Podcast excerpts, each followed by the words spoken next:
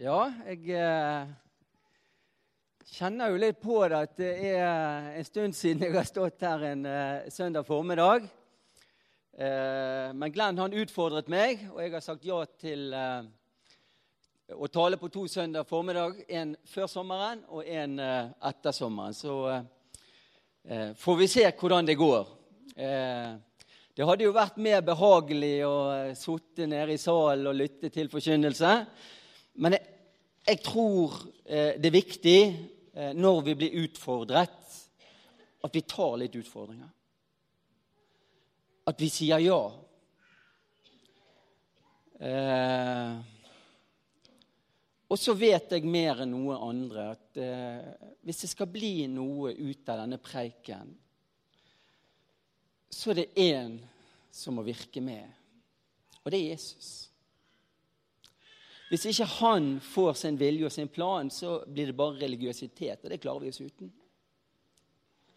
Vi trenger at Jesus eh, stiger ned til oss og åpner ordet for oss og, og, og møter oss.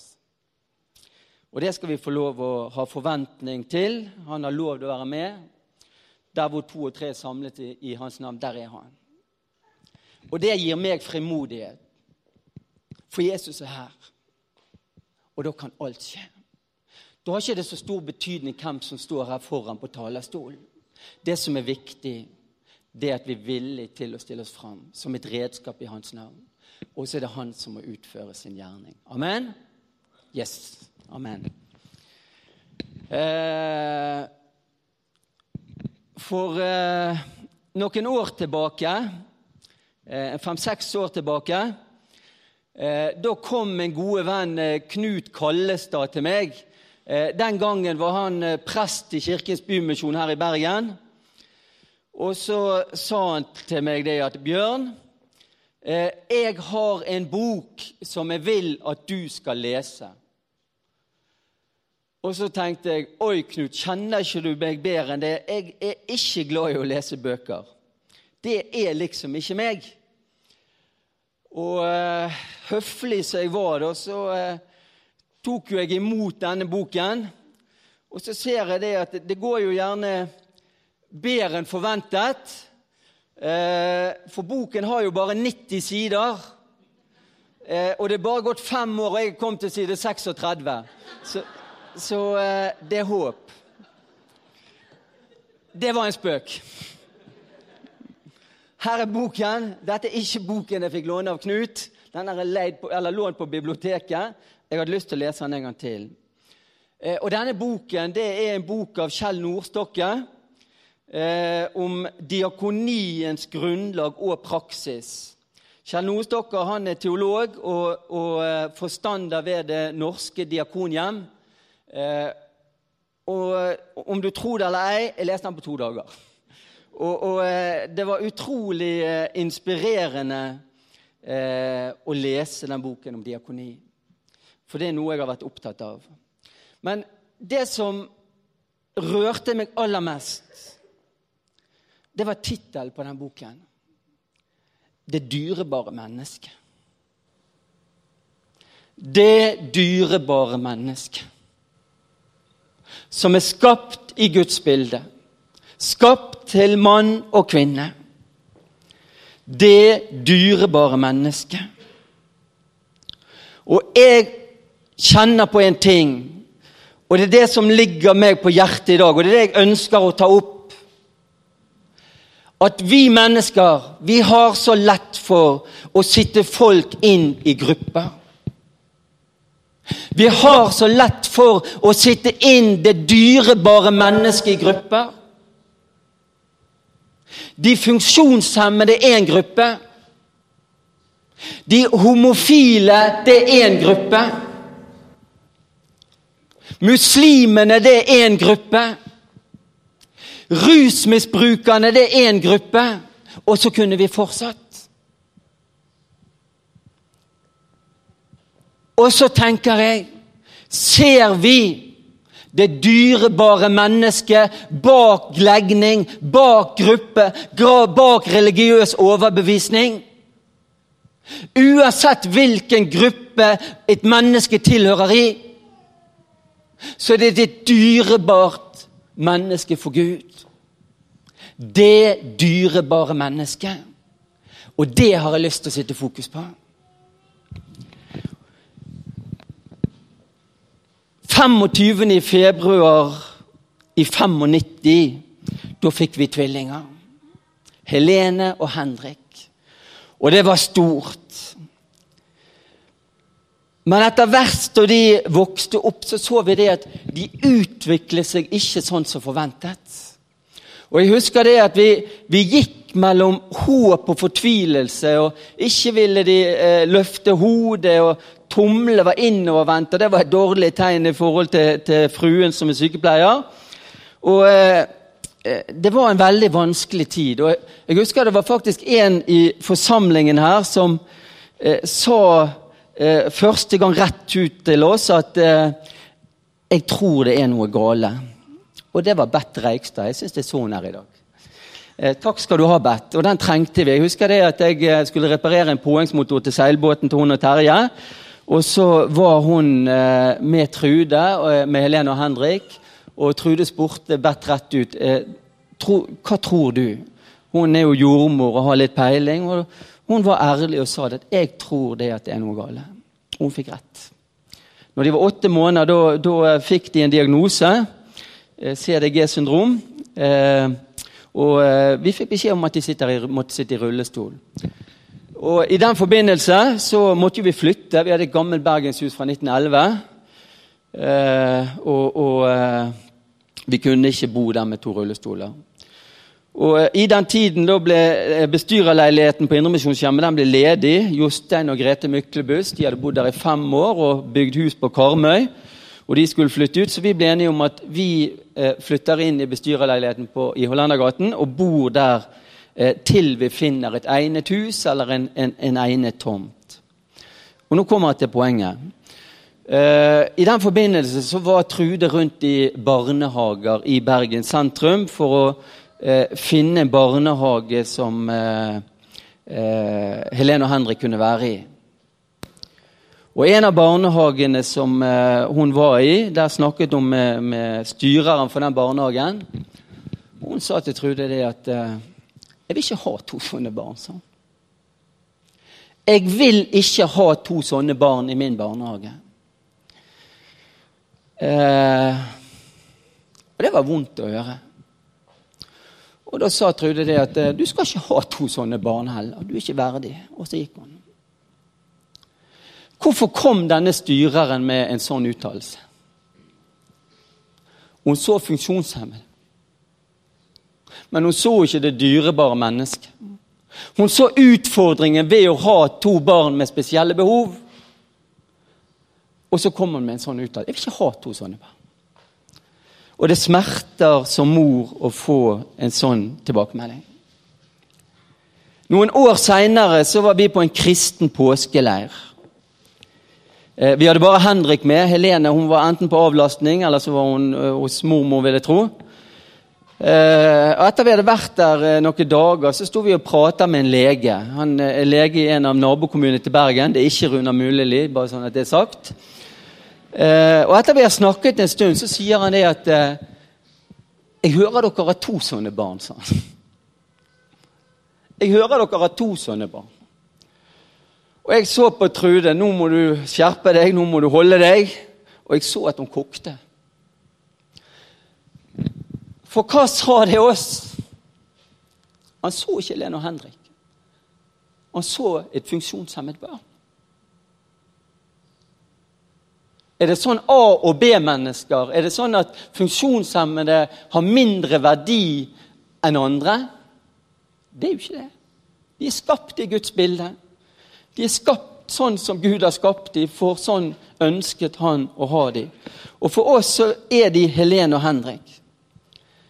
Eh, gjennom arbeidet mitt på Indremisjonshjemmet i mellom 25 og 30 år så har jeg opplevd mye rart. Hvordan rusavhengige blir behandlet.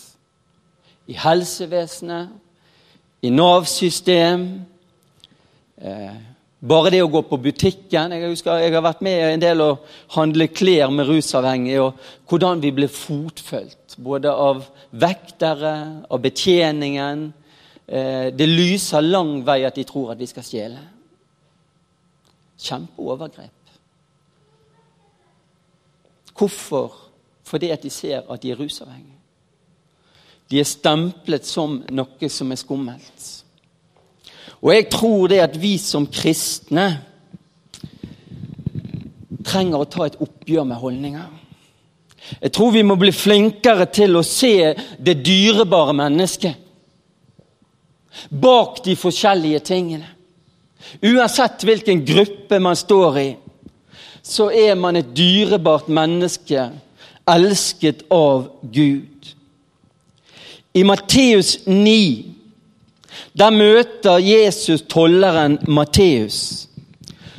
Han satt ved tollboden, og så kaller Jesus Matteus og sier han, 'Følg meg'.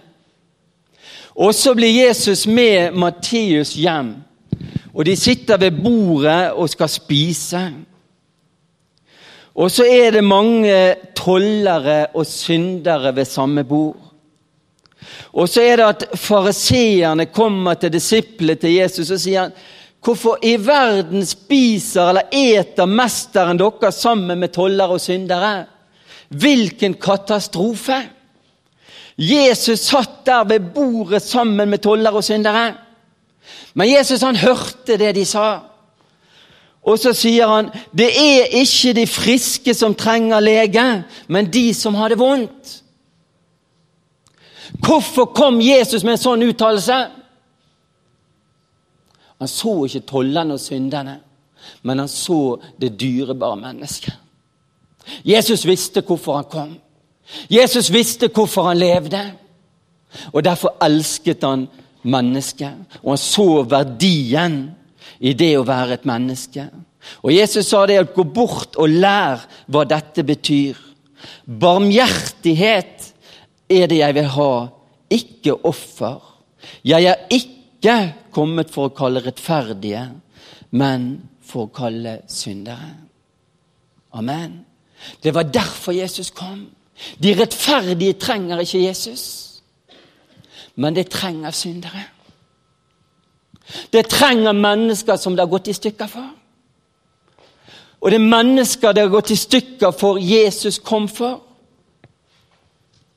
Og det har ikke forandret seg inntil i dag.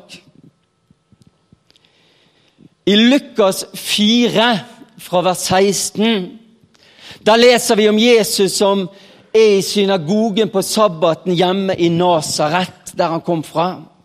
Og Det står det at han pleide å gå i synagogen på sabbaten.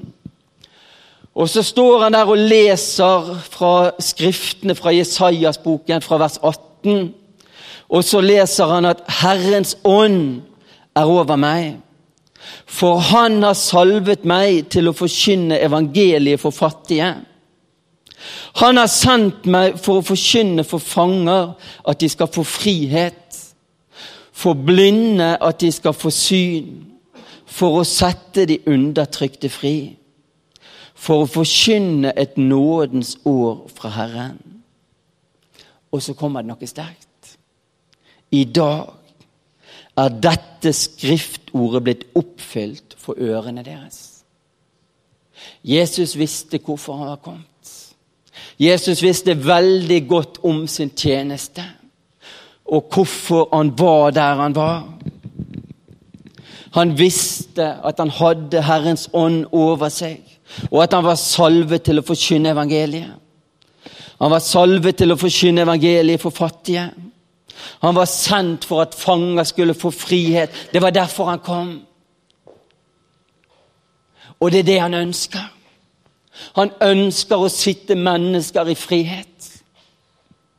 Og det er det kallet vi har òg, som kristne. Vi er kalt til å sitte mennesker i frihet. Hvorfor det? For vi har lært en å kjenne.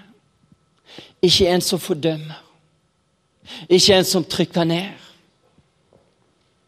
men en som løfter opp og ønsker å komme med sin nåde. Som ønsker å komme med sin frelse. som har sagt 'Jeg er veien, jeg er sannheten, jeg er livet'. Ingen kommer til Faderen uten gjennom meg. Det er Han som er veien. Og det skal du og jeg få lov å formidle med stor frimodighet. Fordi at vi har lært Han å kjenne. Jesus bryr seg. Han bryr seg om det dyrebare mennesket. For noen uker siden så var jeg i konfirmasjon. Og under middagen så hadde jeg to jenter foran meg. De var lesbiske, og de var samboere. Og de var veldig forelsket. Hun ene hun satt og dullet med håret til hun inn under hele middagen. og Jeg kjente det, det var rart. Jeg kjente det provoserte meg. Jeg kjente det at det, det rev og slet i meg, for det at det var noe helt annet enn det jeg står for. Og jeg kjente det var vanskelig, og det var utfordrende. Og Etterpå så gikk jeg utenfor, og så følte jeg at, at Gud kom til meg og så sa han, Bjørn, du ser disse jentene, og du ser legningen deres. Men ser du det dyrebare mennesket? Og jeg kjente jeg skammet meg. Jeg skammet meg. For disse to flotte jentene er dyrebare mennesker som Jesus elsker, og som han har dødd for. Men de vet bare ikke om det. De er dyrebare skapninger som har valgt en annen retning enn det vi hadde gjort. Og så så jeg legningen og lot meg provosere, lot meg irritere. Og jeg må si, jeg skammet meg. Jeg burde ikke gjort det. Jeg burde heller sett menneskene bak legningen. At det er dyrt kjøpte, elskede mennesker som har valgt en annen retning enn det jeg har gjort. I Johannes 8, vers 1 der var Jesus på Oljeberget tidlig om morgenen, og folket var begynt å samle seg om han. Og Da er det fariseerne og de skriftlærde kommer med en kvinne. Og Denne kvinnen hun var grepet på fersk gjerning i hor. Det var gått i stykker for henne.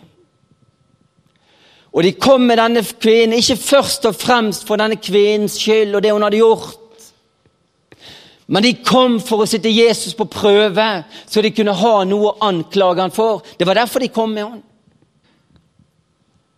Og Jeg syns det er en utrolig sterk beretning som sier veldig mye om hvem Jesus er. For de kommer med denne kvinnen, og så sier du denne kvinnen er grepet i hor etter Moseloven, så skal hun steines. Hva sier du?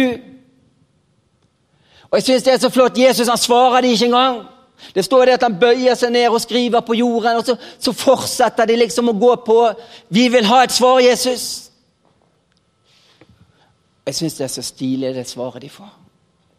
Den av dere som uten synd kan kaste den første stein på ham. Begynn å plukke steiner og begynn å kaste. Av dere som er uten synd. Vet du hva det står? De gikk bort en etter en, de eldste først. Det var noe som stakk i hjertet. Det var ikke sånn så, De var ikke sånn eh, eh, så de trodde om seg sjøl. Det var noe som rørte de. De var ikke fullkommen. De var det feil, de òg. Og så er det Jesus som står igjen alene med kvinnen. sier, 'Hvor er de? Har ingen fordømt deg?' 'Nei, her er ingen. Heller ikke jeg fordømmer deg. Gå bort og synd ikke mer fra nå av.' Det var ikke greit, det som denne kvinnen hadde gjort. På ingen måte men han møtte henne med nåde. Han møtte henne med tilgivelse.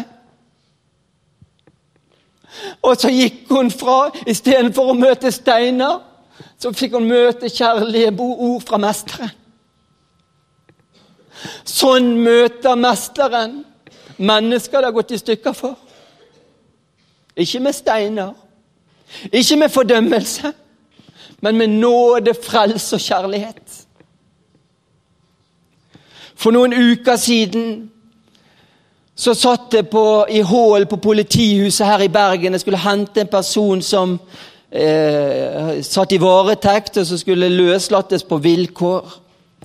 Og Et av vilkårene det var at jeg skulle hente han, og så skulle jeg kjøre han ut til Seim, ut på Nappane omsorgssenter, der han skulle være. Og Mens jeg sitter der i hallen, så kommer det en kvinnelig politibetjent som jeg kjenner fra, fra ungdommen. Og Så sitter hun seg ned der, og så sitter vi og prater sammen.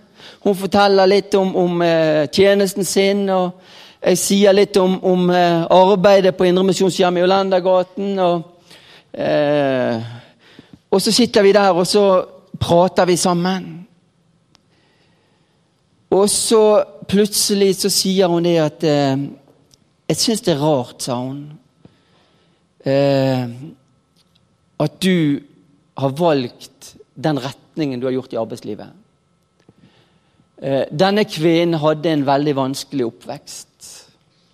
Hun og lillebroren var oppvokst med en alkoholisert mor som drakk hver dag. Og hele hjemmet, hele familien var preget av morens eh, alkoholmisbruk. Hadde det kjempevanskelig. Eh, plutselig så sier hun det at eh, Jeg syns det er rart at eh, du har valgt den retningen med tanke på noe som du sa hjemme hos mamma en gang, sa hun. Jeg hadde vært på besøk der, og så eh, så, eh, fortalte hun det at eh, jeg hadde sagt det at nei, la meg komme meg ut av denne syndens bule. Jeg kjente jeg skammet meg så fryktelig. Sa jeg virkelig det? Ja, det sa du. Jeg har aldri glemt det, sa hun. Og da sa vet du hva, jeg skammer meg, sier jeg. Det burde jeg aldri ha sagt. Jeg skammer meg. Jeg håper du kan tilgi meg. sier Og da ble jo hun satt ut. Det var ikke sånn ment, men det var bare det at jeg syntes det var rart at du gikk den retningen når du kom med sånne uttalelser. Så jeg skulle aldri ha sagt det. Tenk å få høre det om sitt eget hjem. Syndens bule. Det som på mange måter skulle være en trygg base. Hun kan ikke for at moren drakk. Og jeg sa det. Jeg er så lei meg, sa jeg. Jeg skulle aldri ha sagt det.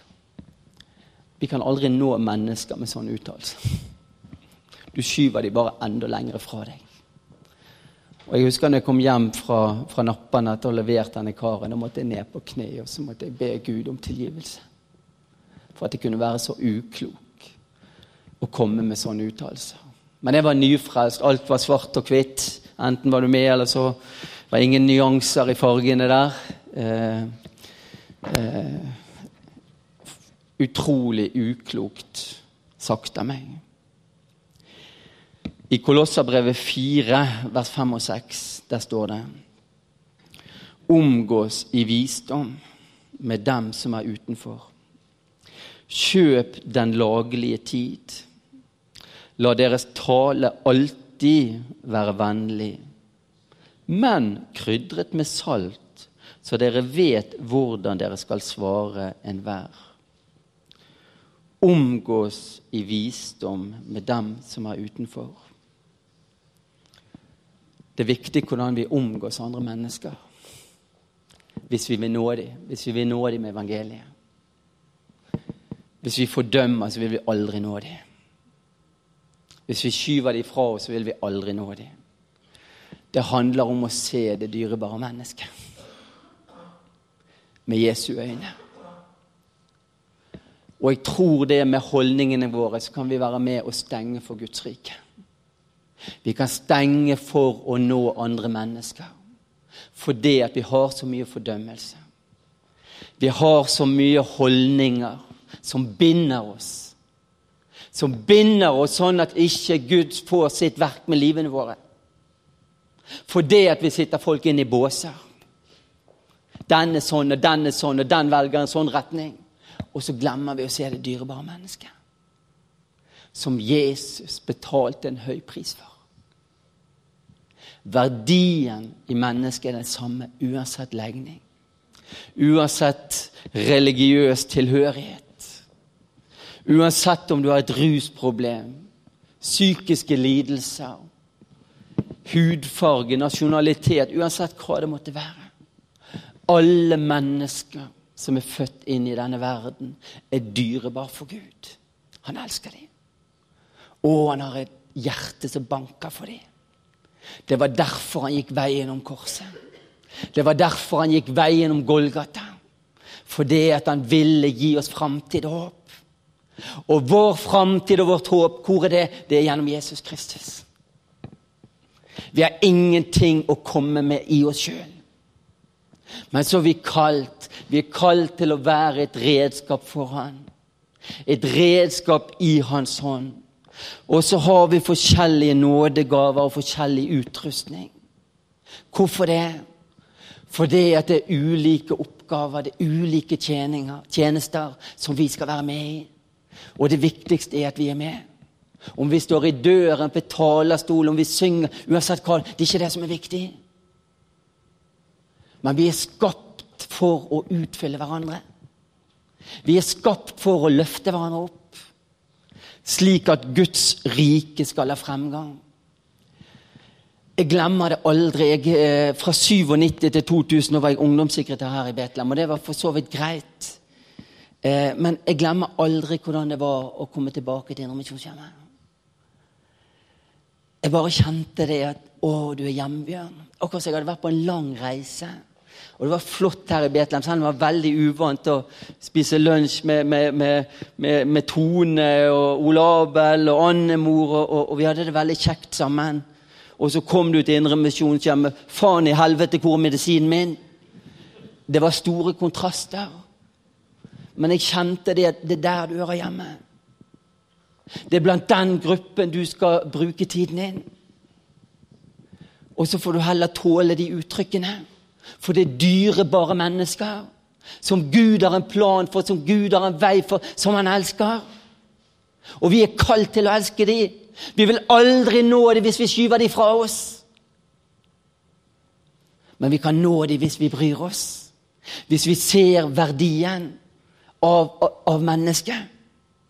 Og det er det vi er kalt til. For hvis ikke vi klarer det, så tror vi sliter. Jeg tror Guds rike sliter. Fordommer kan stenge for oss til å utføre Guds plan. Og vi må ta et oppgjør med det.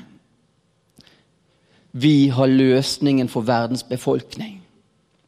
Resepten, det er Guds ord. Medisinen, det er Jesus Kristus. Han som døde for alle. På kontoret mitt der har jeg en kalender, så, sånn ord for dagen. Og på torsdag så sto det vi må, alle, vi må behandle eh, og respektere andre på samme måte som vi selv vil bli behandlet og respektert på. Jeg syns det var godt sagt. Vi må behandle og respektere andre på samme måte som vi selv vil bli behandlet og respektert.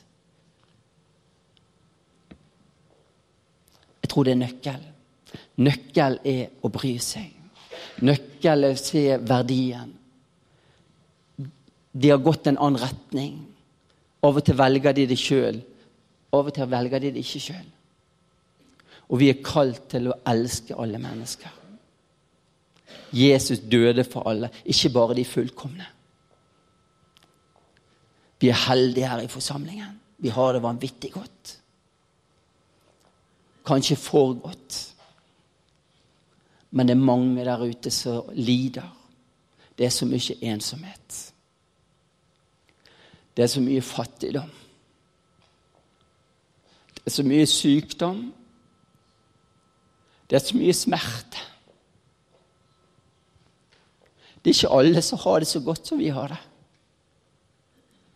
Bryr vi oss? Eller lukker vi øynene?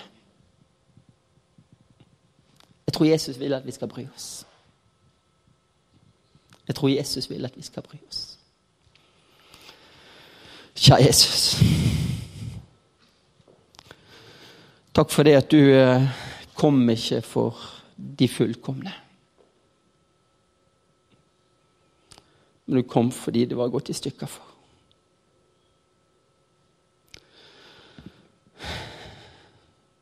Hvis du ber om at du må gjøre noe med hjertene våre.